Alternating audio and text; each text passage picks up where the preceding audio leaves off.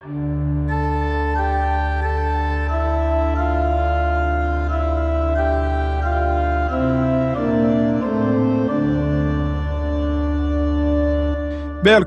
till FFG-podden med mig Kristoffer Helle och idag så har jag med mig Torbjörn Johansson och eh, vi ska prata lite om Bengt Hägglund och eh, hans liv och gärning och, och sånt här. Men först så eh, vill jag påminna er om att om ni vill bidra till den här poddens fortsatta arbete, hur ska man göra det Torbjörn? Då kan man stödja den via Swish. Och då är det 123 100 8457. Och så kan man ju märka det med FFG Podcast eller FFG Gåva. Jag tror att det är viktigt att man skriver FFG i alla fall. Eh, och eh, man kan också besöka vår hemsida. Om man vill på ett annat sätt bidra till församlingsfakultetens fortsatta arbete. Vilket tacksamt emottages, eller hur Torbjörn? Ja, det drivs ju och bygger på att eh, enskilda och församlingar är med och, och bär arbetet. Mm. Eh, men eh, även fast det är pandemitider nu så ligger ju inte arbetet på församlingsfakulteten nere. Eller hur Torbjörn? Nej, det är ju förändrat och påverkat på olika sätt men mycket av undervisningen fortsätter på vanligt sätt i huset och en del har lagts om eh, och går via länk. Sen har konferenser och större samlingar och så naturligtvis fått ställas in eller göras om till att, att de går via länk. Mm. Men eh, det är också till, inte bara podden som, som, som når ut till folk utan det är också Youtube-kanalen. Och eh, vad händer där inom det närmaste? Ja, men det kanske vi särskilt kan eh, nämna. Vi har, har en Youtube-kanal och den har nu eh, något som vi kallar för Advent special. Och då kommer det lite kortare avsnitt och tanken är att det ska komma ett par, tre stycken i veckan här fram till jul som tar upp ja, teologiska teman som antingen är, är kopplade till advent och jul eller till vårt frihetstema som vi hade här under hösten. Så första avsnittet eh, som ligger ute, det handlade om Bachs eh, adventskantat som han skrev till första söndagen i advent och lite om dess teologiska eh, budskap. Och det mer kommer? Mer kommer, så man kan bara gå in på Youtube och så söka det på församlingsfakulteten så, så får man upp de avsnitten. Mm. Och sen eh, har ryktet nått mig att eh, du har en ny småskrift på gång. Ja, det stämmer också. Den har skickats nu till tryckeriet här så den ska komma eh, till oss kanske inom en vecka och sen ska den skickas ut. Och eh, Den handlar om eh, en kristens förhållande till, eh, till lagen. Så titeln på den är Lagisk, laglös, fri? Frågetecken. Och det tecknar, eh, kan man väl säga, vägen mellan å ena sidan att man kommer in under lagen, som Paulus varnar för eh, kraftigt i till exempel Galaterbrevet, men å andra sidan det andra diket, det är ju laglöshet där man, där man lever som om Gud inte hade gett några bud. Mm. Och den, jag hoppas att vi inom en snar framtid får anledning att återkomma till den i, i podden också. Mm. Och Jag tänkte också säga att vi kan ju rekommendera våra lyssnare att om de gillar eh, podden så gå gärna in och recensera den och eh, ge ett betyg. För det gör att vi eh, kommer högre upp i sökstatistiken och att fler hittar den här podden. Och Torbjörn, vi tänkte ju prata lite om Bengt Hägglund och vi har ju satt temat Bengt Hägglund som teolog. Mm. Och Bengt Hägglund, han kommer ju från en familj av teologer. Både hans eh, farfar som heter Johan Henrik Hägglund var ju präst och teolog och hans pappa som heter Henrik Hägglund var präst och teolog och en, eh, även en flitig författare och även fast han bodde i, i Skåne så skrev han om, om den kristendomstypen som var särskilt utmärkande för västkusten. Och sen så var Bengt då den tredje generationen i detta. Och eh, Han var professor i Lund. Och, eh, generationer av präster och teologer har ju läst hans böcker och många har också haft honom som lärare.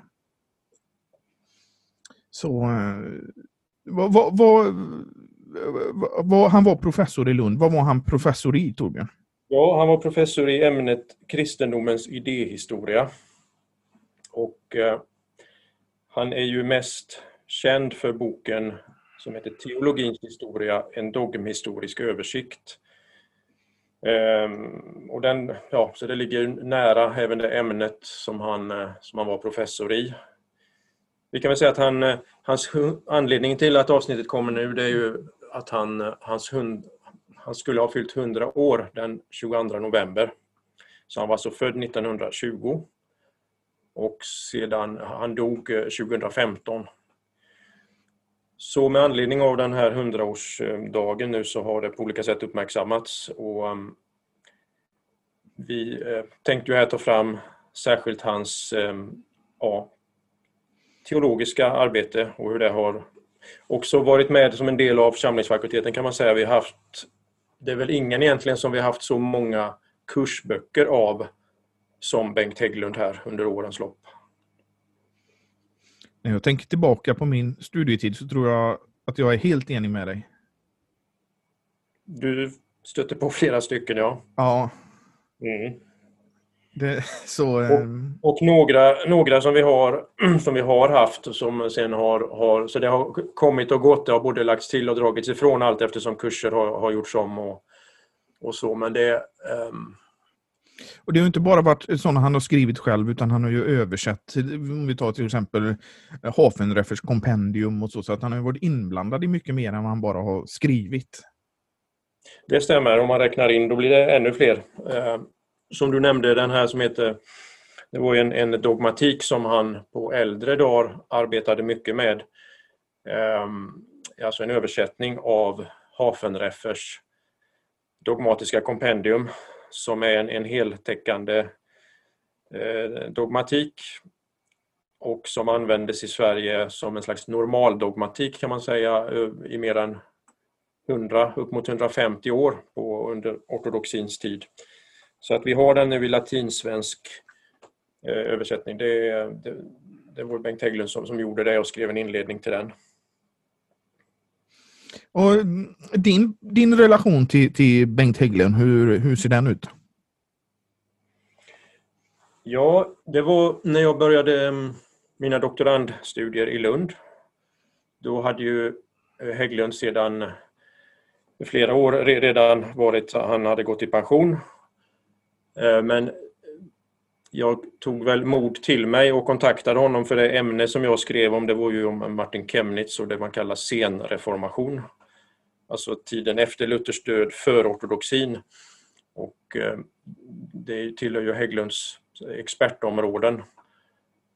Och då eh, blev det sedan så under åren att vi hade mycket kontakt kring det. Jag fick skicka mina avdel, avhandlingsdelar till honom och fick komma hem till honom och eh, vi gick igenom det här och det var förstås en stor uppmuntran och han var eh, väldigt vänlig.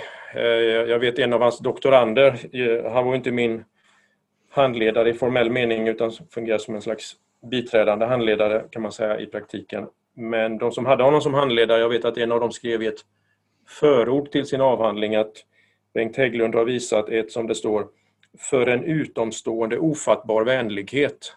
Mm. Och eh, det får jag instämma i. Så det var stor uppmuntran att... Eh, och sen när avhandlingen var färdig så var han ju här på församlingsfakulteten också eh, flera gånger och föreläste. Och sedan anordnade vi ihop med hans 90-årsdag, det vill säga 2010 då, ett särskilt eh, symposium då vi också hade färdigställt en eh, en festskrift som eh, vi fick överlämna.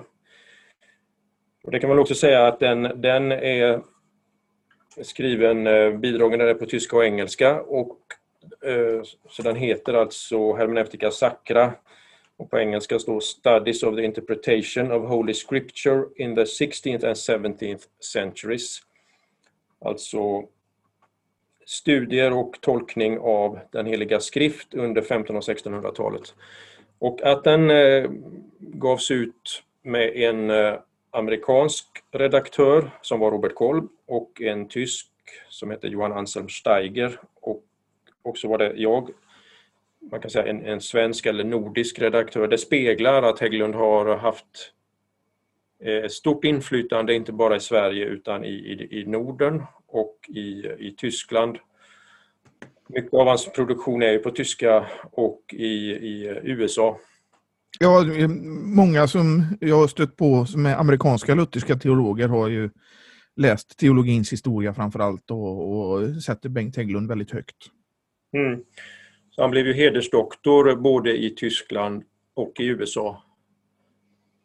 Ehm, och som sagt, eh, det är särskilt teologins historia som är, är, är, den som har Flera verk har översatts men det är väl den som har fått den, den stora spridningen så jag tror den är översatt till fem eller sex språk, boken Teologins historia. Mm. Mm. Och teologins historia har vi pratat om och det, vi kommer prata om den mer, men vad är det som, som Bengt Hägglund har ägnat sig åt i sin eh, forskning så att säga?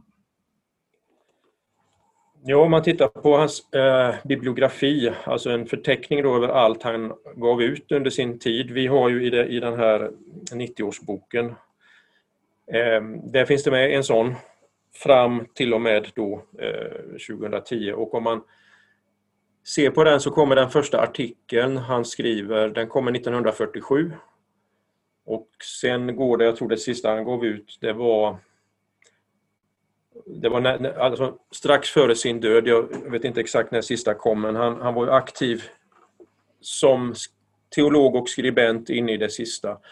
Så att det betyder att han, det spände alltså över nästan 70 år, hans teologiska produktion. Om man då följer den och ser vad han ägnade sig åt så är det kan man säga en väldigt stor spännvidd. Det är spännvidd både i ämnen, alltså nästan alla dogmatikens olika delar är behandlade i någon artikel eller bokform. Men också spännvidd vad gäller epoker. Det var ju idéhistoria så att det är studier från fornkyrkan och, och medeltiden, reformationen naturligtvis, ortodoxin och fram, en, en, ända fram till nutid så att en del som man skrev på, på äldre dagar det handlade om eh, postmodernism och, och sådana frågor som är i, i vår samtid. Jag vet att eh, vi har ju tagit upp några av de här artiklarna eh, på, på församlingsfakulteten i några kurser om hans, just hans syn på postmodernism. Mm. Jag tycker en intressant sak där, han, eh, han gav ut en liten skrift eh, och jag tror han var han var ju närmare 90 när han skrev den. Och den har formen av en eh, dialog så vitt jag vet så var det en ny, man kan säga ett nytt sätt att skriva som en slags ny genre han gav sig in i. Dialog, det vill säga två stycken fiktiva personer som den ene frågar ut den andra. Och det börjar med att den ene frågar vad är eh, jag tror det är begreppet poststrukturalist. Eh, vad är det? Då ska den andra svara på det och så den här formen alltså att man har det som en dialog, den går tillbaka ända till, till Platon har ju sina dialoger. Och så vitt jag vet så har inte Hägglund skrivit något i, i den formen förrän då och det är ju ganska intressant att, att starta som ett ny, nytt sätt att skriva när man är eh, nästan, nästan 90. Mm. Eh, jo, men när man ser på det här som en helhet de här och går igenom listan så kan man ändå säga att trots att det nu är stor spännvidd både vad gäller ämnen och tidsepoker så finns det ändå ett väldigt tydligt centrum. Och vad gäller ämne så kan man ringa in det och säga att det är frågan om människan ur ett teologiskt perspektiv. Och vi, vi kan komma tillbaka där till boken De homine här strax om människan som en slags eh, tyngdpunkt. Men väldigt många av hans tidiga skrifter på 50-talet tar upp olika saker som man skulle kunna säga som en rubrik under teologisk antropologi, teologisk mm. människosyn. Och när det gäller epoker så är, finns det också ett tydligt, ett tydligt centrum eller en tyngdpunkt och det är ju där perioden reformation och luthersk ortodoxi. Det är där de flesta och tyngsta arbetena hamnar. Så om man ringar in det så är det alltså teologisk människouppfattning under reformationstid och ortodoxi som, som, som är ett centrum. Men också då som sagt med en stor spännvidd. Man kanske bara ska nämna en sak till där. Han skrev en artikel eh, 1959, tror jag den kom, som handlar om trosregeln, regula fidei, som eh, som också betydde mycket, både för att den uppmärksammades, han, han lyfte fram den och gjorde nya iakttagelser kring den, och, men också för hans eget tänkande och sättet att se på teologi så har trosregeln varit en viktig sak. Han, mm, han skriver till exempel i ett förord i de, jag tror det kommer i andra upplagan av teologins historia, att han ser teologihistorien från då fornkyrkan ända fram till vår tid som en slags fortsatt utläggning, ett traderande av och utläggning av det man kan kalla trosregeln. Och trosregeln är då en sammanfattning av Bibeln. Ungefär så som vi har den i den apostoliska trosbekännelsen. Så den apostoliska trosbekännelsen är trosregeln Fast sen var det inte fixerat till en exakt text utan det kunde variera lite granna men, men det är det som betyder. Så en sammanfattning av den kristna tron på det sättet och så ser Hägglund då på, på teologihistorien att det är ett traderande av den, den, den förs vidare men man kan se det som en fortsatt utläggning av den utifrån olika tids i olika tidsepoker. Ja, jag tycker att vi ska säga någonting om Bengt Hägglunds sätt att skriva. För det är ju, tycker jag, unikt. Alltså, jag har aldrig stött på någon som får in så mycket information i så lite text. Nej, det kan man eh, det kan man eh, börja med att iaktta att han skriver på ett väldigt koncist sätt. Väldigt komprimerat. Vilket gör att det inte alltid är, är lättläst vid första eh, genomläsningen men som lärobok så blir det väldigt värdefullt för det, ja, det blir som en eh, buljongtärning kan man säga. Ja. Texten går att lösa upp och, och, och, den rymmer så otroligt mycket som man då kan se på och um, så det här koncisa sättet, kortfattat, i en kombination med en för att använda Hägglunds eget uttryck, han, han talar ibland om eh, att det, texter och, hos teologer i deras tänkande finns en inre struktur. Alltså själva saken i, i, hos en teolog eller en uppfattning, att han kommer åt den och kan uttrycka den, är väl det som gör att att eh, till exempel teologins historia har fungerat så bra som lärobok. Mm. Eh, men, men man kan, vid första anblick om man ser hans, någon av hans böcker kan man tänka, och det är en liten bok, den, den läser jag snabbt. Jag tänker på Trons mönster till exempel, det är ju ingen tjock bok. Men eh, när man väl sätter ögonen i den så är det väldigt mycket information och väldigt nyttig information. Ja, och det finns en intressant mm, en intressant sak att Hägglund, eh, om man går igenom den här listan och ser på den så skriver han eh, vi kan bara nämna några böcker som kommer tidigt. Alltså den, jag nämnde att första artikeln kommer 1947. Men den första boken den kommer 1951 och det är hans doktorsavhandling. Den handlar om eh, Eh, om man översätter, den är på tyska, om man översätter det så, så heter den alltså Den heliga skrift och dess tolkning i Johann Gerhards teologi. Och det är då teologen Johann eh, Gerhard som han eh, sen eh, återvände till egentligen under hela sitt liv. Det är ju en, en luthersk-ortodox teolog i början på 1600-talet. Han brukar räknas som den lutherska ortodoxins främste teolog. Så att det, det, är den första boken, det är avhandlingen 51. Sen kommer under 50-talet eh, ytterligare en, en studie som handlar om Luther och, och kamismen. Och kamismen då på, på medeltiden och hur Luther förhåller sig till den traditionen. Den kommer 1955. Sen kommer teologins historia 56.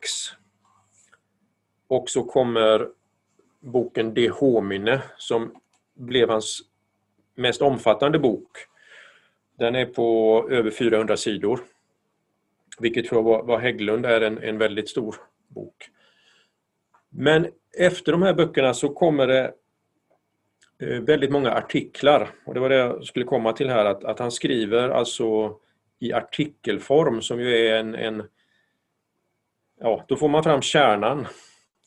Och han eh, gav det rådet till sina doktorander att eh,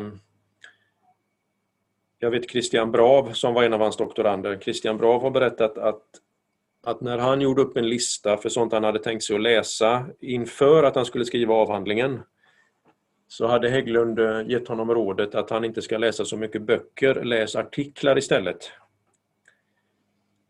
Och då, då är det att där får du fram kärnan. En artikel, eh, en bok innehåller ofta mycket, man kan kalla det ibland, all, det blir som allmängods. Och så kommer det då några. Men i artikeln så kommer du rakt på sak och det passade väl Hägglund och som sagt han skrev väldigt många artiklar. Så att böckerna, de här på 50-talet Sen kommer det ytterligare någon men, men det är alltså sen eh, i hög grad artiklar och hur de samlas ihop till artikelsamlingar.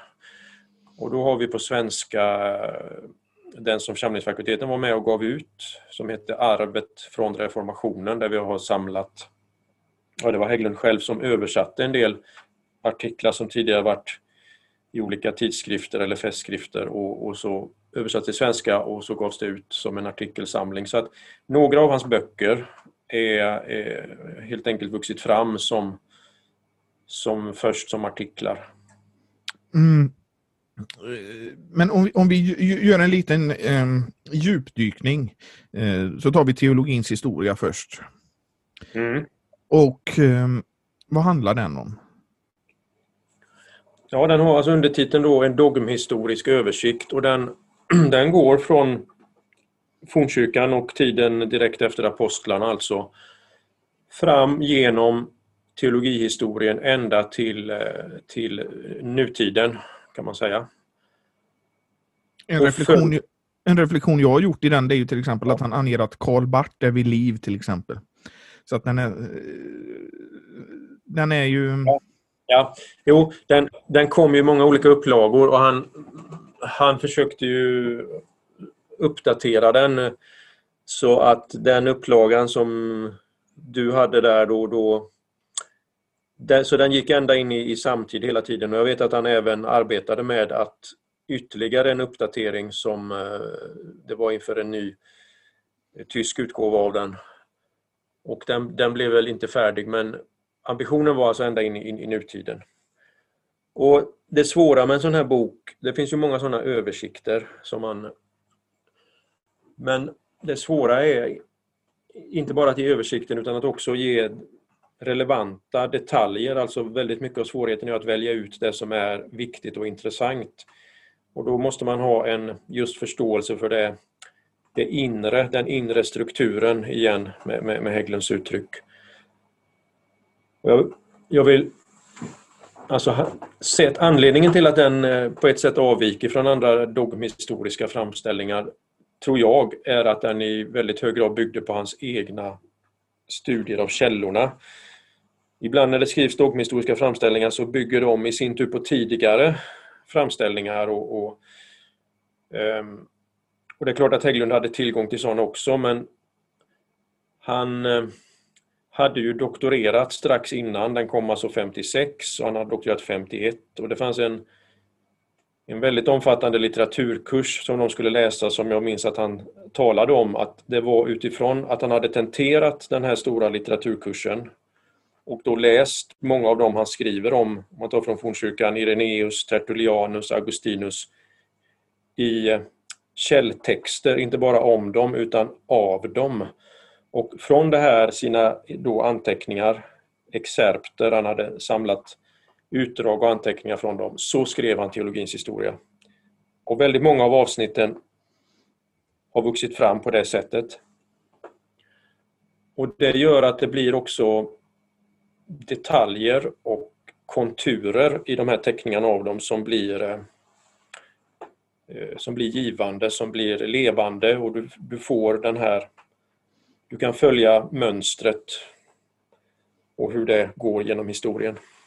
Och även där kan man säga att tyngd, den har naturligtvis sina tyngdpunkter. Den är inte så här jämnt ut, utbredd över hela historien utan den har också sina tydliga tyngdpunkter. Fornkyrkan är, är en sån tyng, tyngdpunkt och sen eh, reformationen, ortodoxin eh, som man får extra utförligt tecknad. Men det jag tänker på till exempel som kan vara lite svårt när man läser den här eh, och, som jag kanske har nämnt i podden innan om man läser Heidelberg-disputationen av Luther är att det, det ibland rör sig lite i, i, i utkanten av vad som är heresi och inte och det kan vara svårt att urskilja. Håller du med om det Torbjörn? Ja, alltså han beskriver ju i hög grad teologihistorien från ett ganska deskriptivt sätt. Och man kan väl förstå var Hägglund själv tycker att det, det går utanför för gränserna för, för att vara en säga, legitim utläggning av trosregeln. Men i hög grad är den deskriptiv, den beskriver, om vi tar ett avsnitt som avsnittet om Schleiermacher, som ibland kallas för 1800-talets kyrkofader. Han spelade en kolossalt stor roll för den akademiska teologin åtminstone och, och i synnerhet i Tyskland. Och, eh, Schleiermacher hette han. Så beskriver Hägglund det här eh, eh, men där finns också en del um, kritiska markeringar kan man säga. Men annars är den ju inte på det sättet normativ utan mer, mera deskriptiv. Jag tänker just de kritiska markeringarna som du uttrycker det, de kommer mer i slutet av boken och inte med så mycket i början när han beskriver fornkyrkan till exempel. Det, eh, det stämmer nog att det är så, ja. ja. Mm. Vi ska säga att jag tror att teologins historia har varit kursbok på församlingsfakulteten i tre olika kurser i alla fall. Ja, det, den kan man ha på baskursen och sen kan man ha den eh, som litteratur på förberedande för doktorandstudier. Den, den håller hela vägen och man kan ta fram olika saker i den och man kan upptäcka olika saker i den som man först inte tänkte var med där. Men, men så att visst, man kan... Eh, nu hade vi väl olika avsnitt där vi började med fornkyrka och reformation och sen kom det, den moderna i en senare kurs, var det inte så? Jo, det var så. Så, men, så att den är väldigt bred och väldigt nyttig, den boken kan vi säga. Ska vi gå ja, vidare? Jag, jag får nämna en sak om, om nyttan med den. Några lyssnare kanske känner till den norske teologen Knut Alvsvåg som är vid Missionshögskolan i Stavanger och han eh, är också ordförande i Lutherakademin. Eh, och han skrev en, eh, ett minnesord över Bengt Hägglund eh, då 90, 95 och han, eh, det står i det här minnesordet att han brukar säga till sina studenter att efter Bibeln är Bengt Hägglunds Teologins historia den, den viktigaste boken under deras studietid. Så den har använts alltså inte bara i Sverige utan i, i, i Norden och generationer av präster har, har använt den. Alltså, i, i, i, min uppfattning av amerikanska teologer så är det att det är tre stycken svenska som sticker ut och det är Gustav Aulén, Gustav Wingren och Bengt Hägglund. Det är de tre svenska teologerna som amerikanska teologer känner till. Mm. Ja, det är Gustav Wingrens ehm, um, Luthers lära om kallelsen använder de ju mycket och, och och Aulén, där är det Kristus Viktor. Så de har ju bara ehm. delar av deras eh, produktion så att säga? Ja, ja. Jo, det kan man säga. Det, det, har de väl i hög grad av Hägglund också. Att det är, det är nog i hög grad teologins historia som, som de känner till. Jaha, jaha. Eh, nästa, nästa bok som du nämnde var ju De Homine. Ja, Den, är, den har under rubriken eh, Människouppfattningen i äldre luthersk tradition. Och den eh, spänner då över ett tidsintervall som, så att den börjar med, med Luther. Den går vidare i det som kallas, som jag nämnde, senreformation. Post-reformation, tiden efter Luthers död fram till eh, Concordieformen. Och där har vi till exempel en sån teolog som Martin Chemnitz.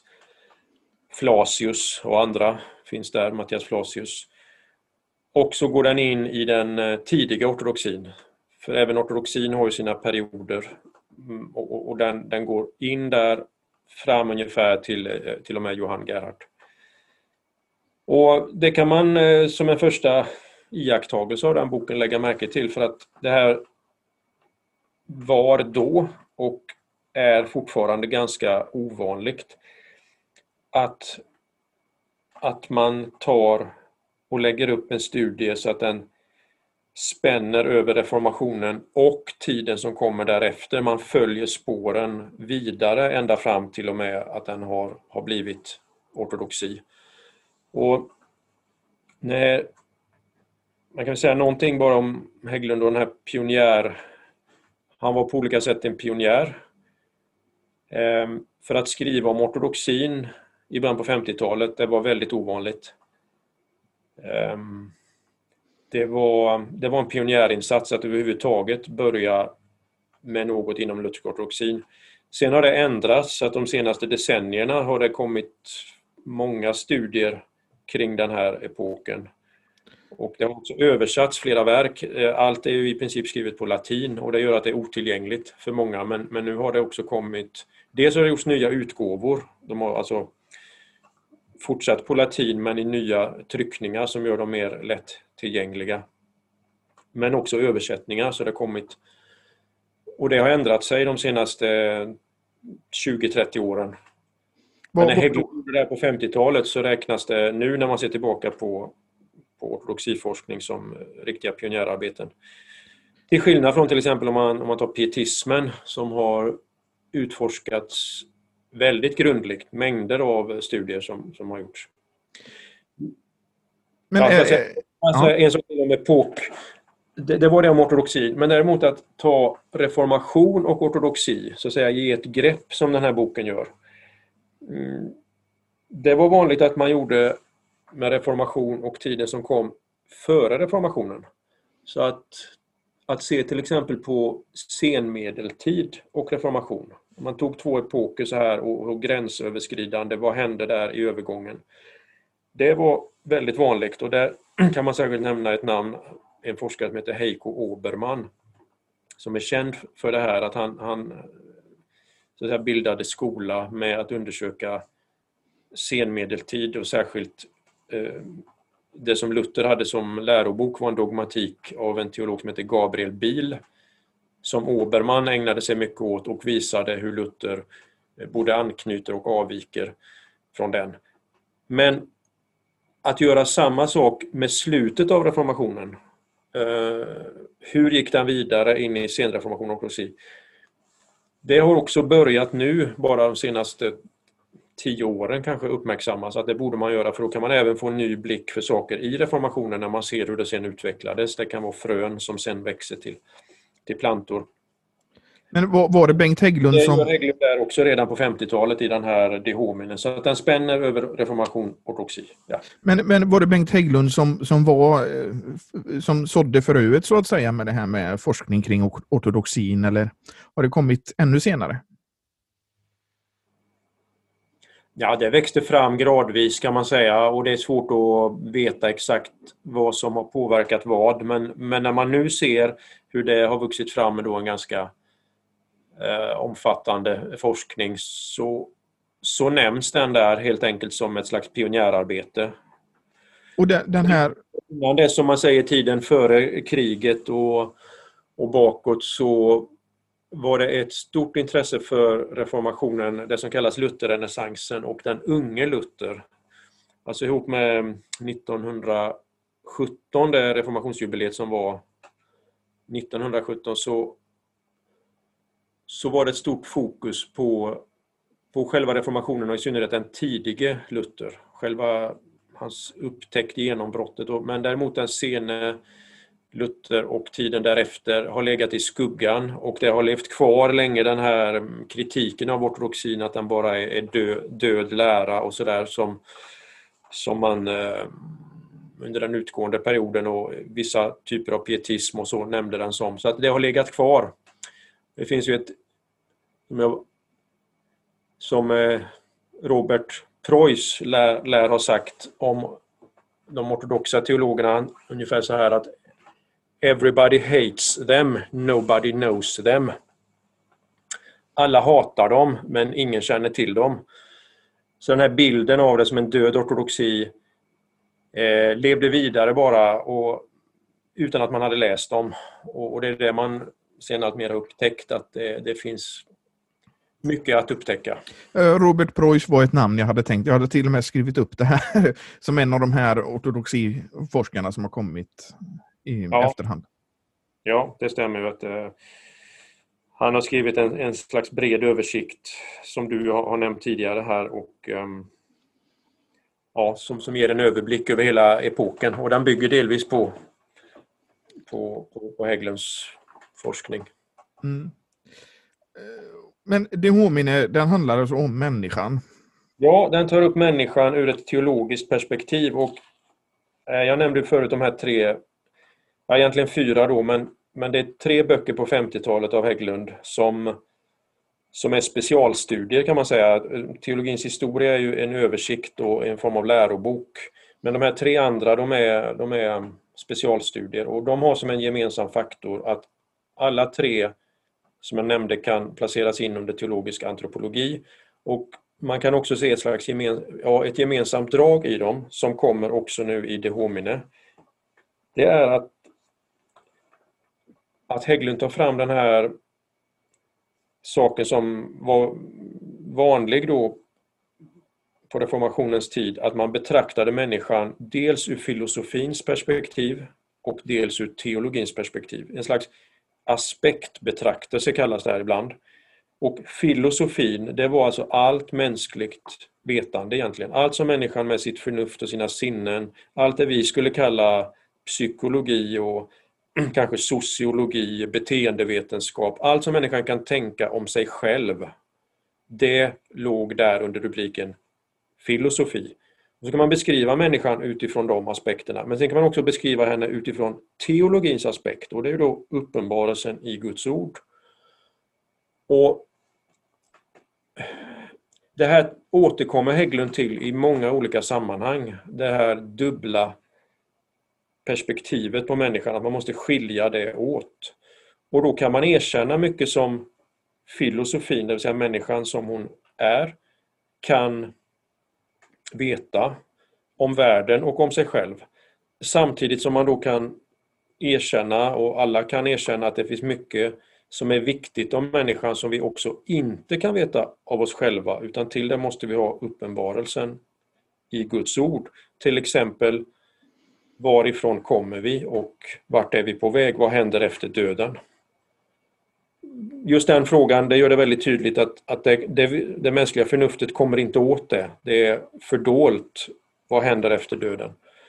Men teologin, uppenbarelsen i Guds ord, säger vad som ska ske. Och, så att till exempel eh, Hägglund anknyter i flera sammanhang till en eh, disputation, alltså en slags akademisk övning som, som Luther hade vid eh, Wittenbergs universitet som har just den här rubriken De homine. Så Hägglund har, har lånat den från, från Luthers disputation. Och då inleder Luther där med några teser vad man kan säga om människan utifrån filosofin. Och han berömmer där till exempel människans förnuft och säger att det är som något eh, gudomligt. Och människan kan veta mycket i vetenskapen och, och konsterna.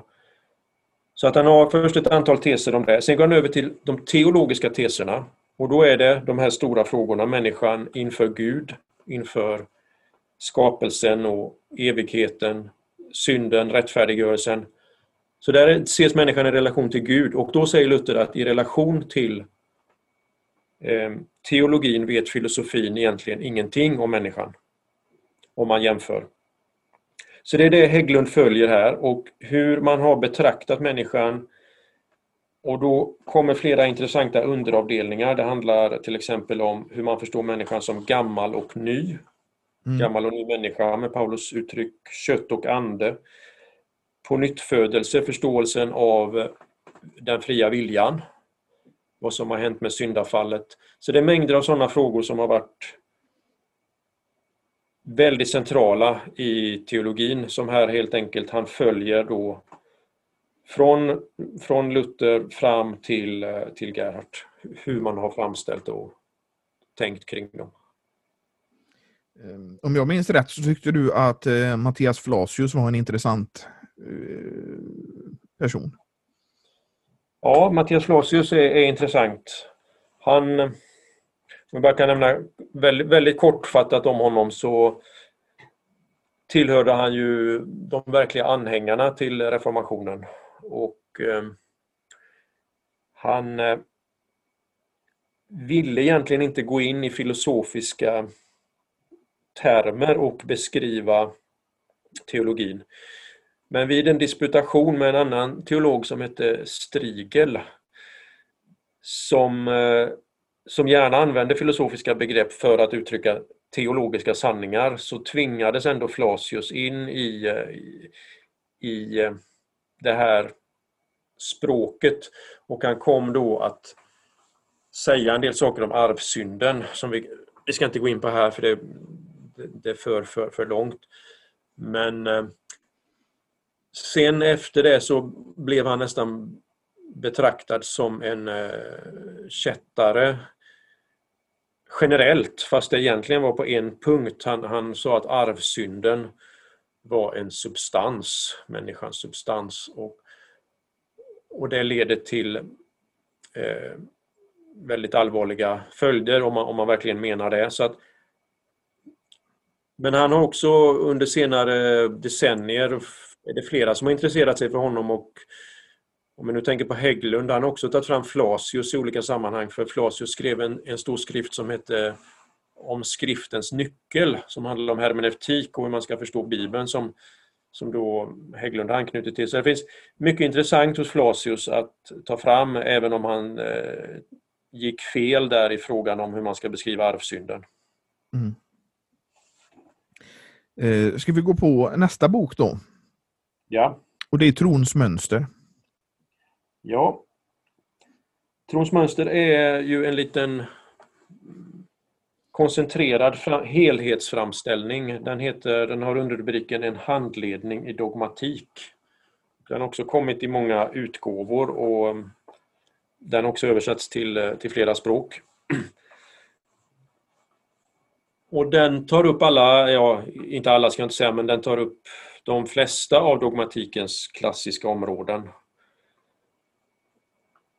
Och där ger Hägglund dels utblickar på olika teologihistoriska eh, perioder som är relevanta för den här perioden.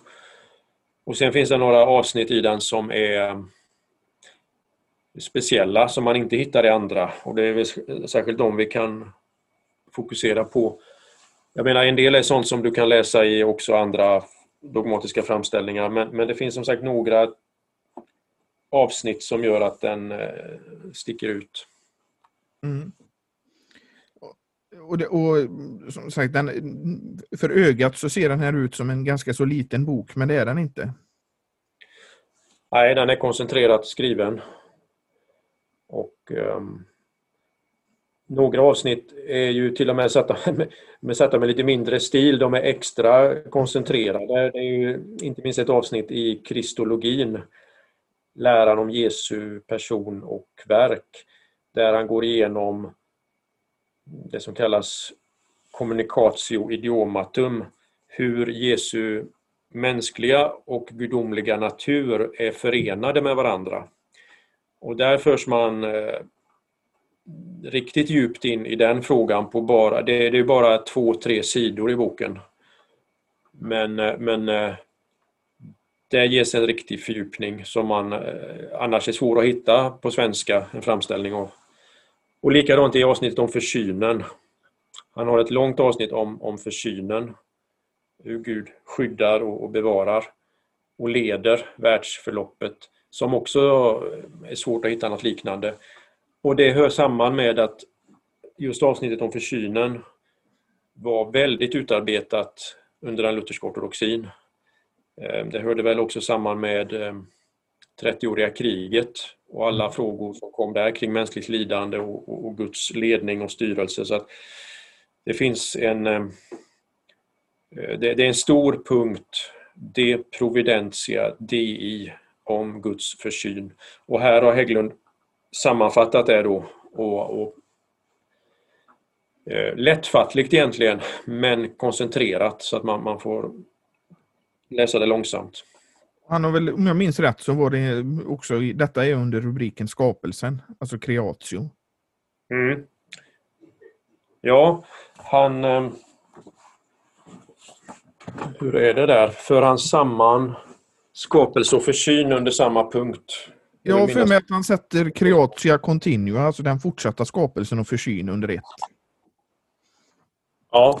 Jag kan, jag kan ju ha fel där, men... jag tror det stämmer. Ja. Att han för... med skapelsen med, med försyn. Hur man har om man ser på den lutherska traditionen, den lutherska dogmatiska traditionen, så har man varit väldigt fri med hur man har grupperat de här olika läropunkterna. De har naturligtvis ett inre samband. Hur du till exempel lär om arvsynd och fri vilja hör samman med vad du lär om rättfärdiggörelse. Det är som kommunicerande kärl. Men däremot ordningen som punkterna framställs i, det har varierat ganska mycket och det har man eh, haft stor frihet, det kan man se. Eh, en sak som jag tycker är väldigt bra med trons mönster, eh, det är ju också i andra så här dogmatik ehm, på, på svenska, till exempel Piper Müller, så finns det ingen uppslagsdel.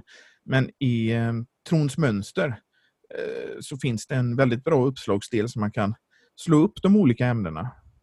Mm.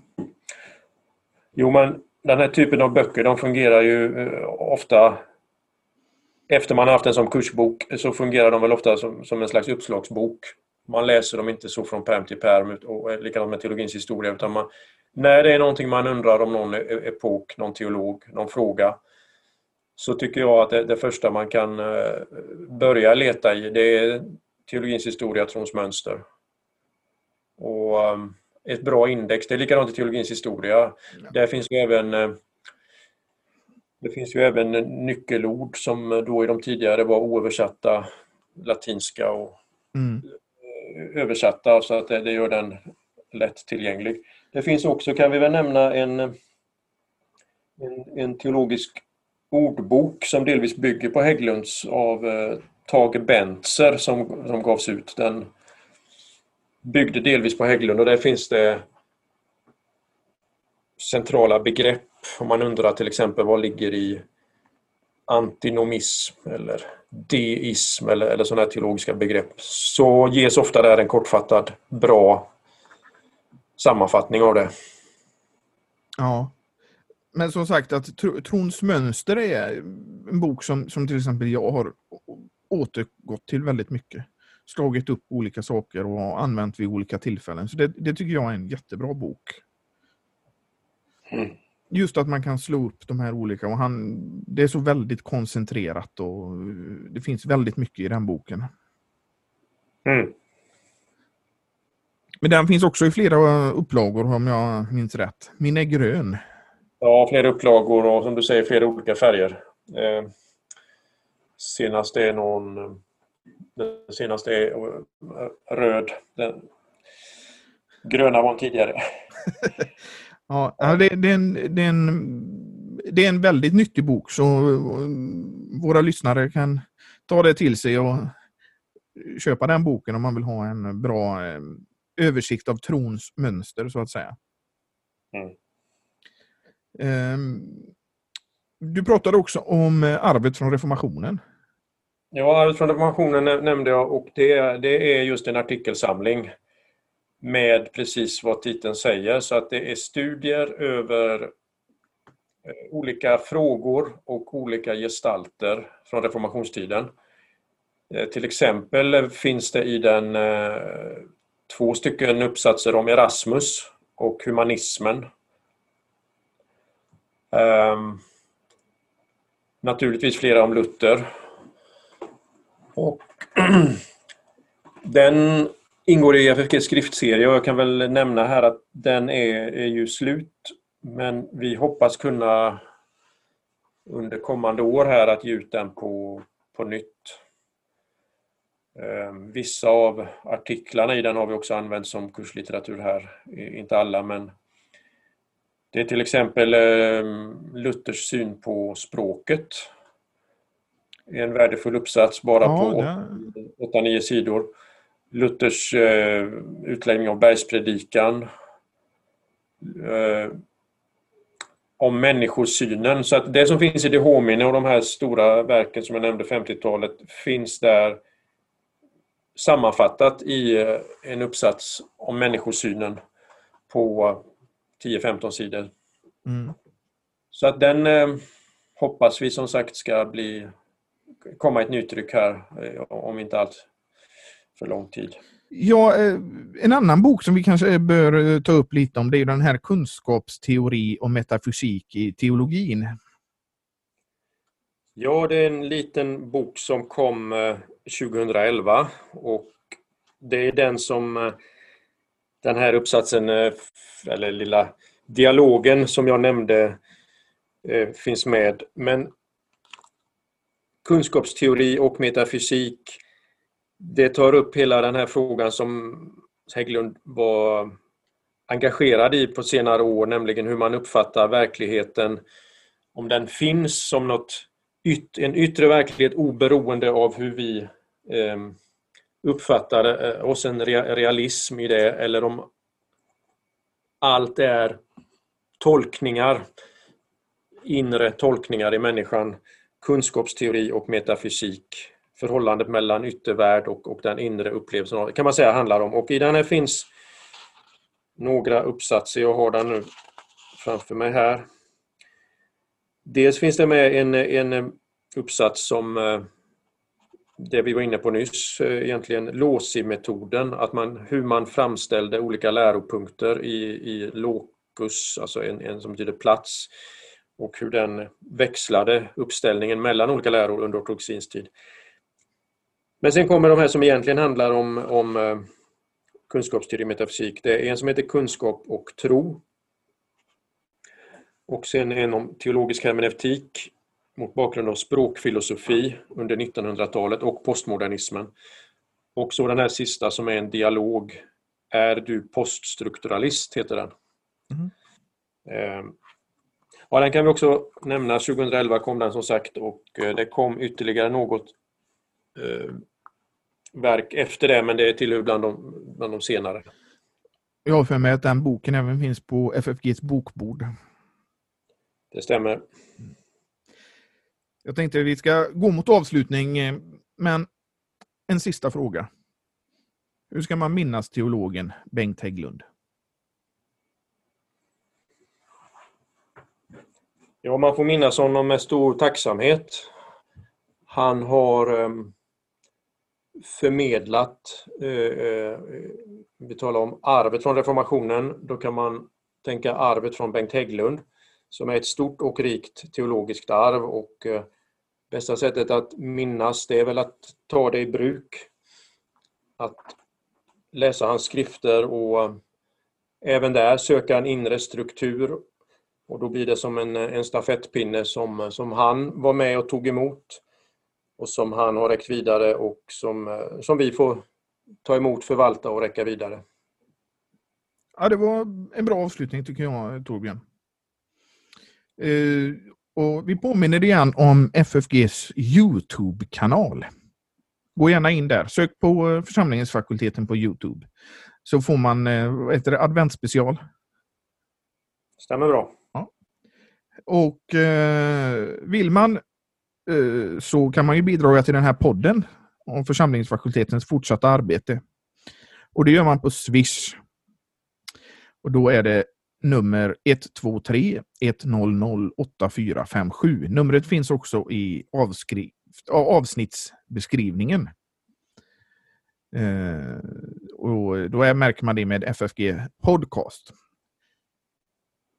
Men då Torbjörn, då tackar jag dig för det här. Att du har deltagit och pratat lite om Bengt Hägglund. Mm, tack så mycket. Och så säger vi på återhörande till våra lyssnare. Hej då! Hej då! Música